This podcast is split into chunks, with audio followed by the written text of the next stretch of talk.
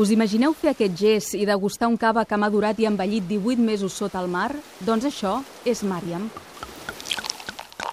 Tot va començar a Xile. L'Antoni Puig i el Jordi Carreras, dos amics i socis de l'empresa Tempus Mare, van visitar uns cellers que feien via sota el mar. Es van enamorar de la idea i van decidir que farien el mateix, però amb un producte més propi, el cava. Eh, nosaltres, en principi, som aquicultors, no som caveros, que nosaltres li diem, no? Llavors, després d'aquesta idea, ens vam tindre que posar en contacte doncs, amb enòlegs del Penedès.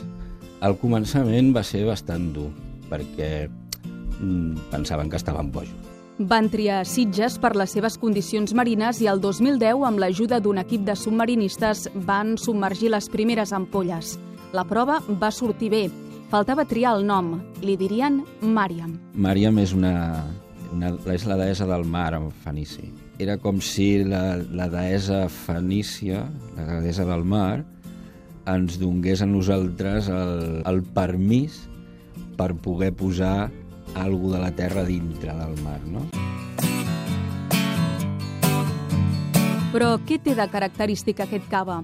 D'entrada, que la segona fermentació es produeix a 30 metres, amb les condicions de temperatura, llum i so d'aquestes profunditats. L'element diferenciador són els corrents marins. Màriam el que està és amb aquest moviment. Depenent del que faci a, a, a superfície, doncs aquest moviment és més ràpid, és més lent, etc.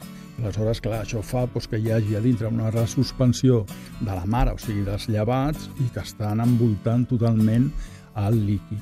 Això provoca una maduració més ràpida que el celler, que segons els experts li dona un gust més mineral, sense sucres a més afegits. Les ampolles de Màriam, a més, porten un vestit de luxe, les esponges i els éssers vius que s'hi adhereixen.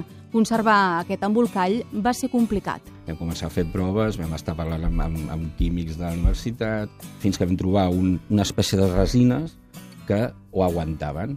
I el següent pas després és ara començar una altra vegada, aviam si podem conservar tots els colors una vegada surten de l'aigua. No?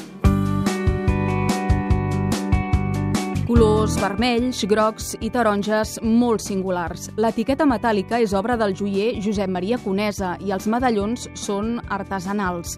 En definitiva, un producte exclusiu tant pel fons com per la forma i a un preu també exclusiu, entre 400 i 500 euros depenent de si és reserva o gran reserva. Les properes 5.000 ampolles es posaran sota l'aigua a finals d'any, a dues milles i mitja davant del port d'aigua dolç. Si voleu i podeu ser els primers a degustar aquest elixir marí, ja ho sabeu, mariam, amb i dues m's.com. Salut!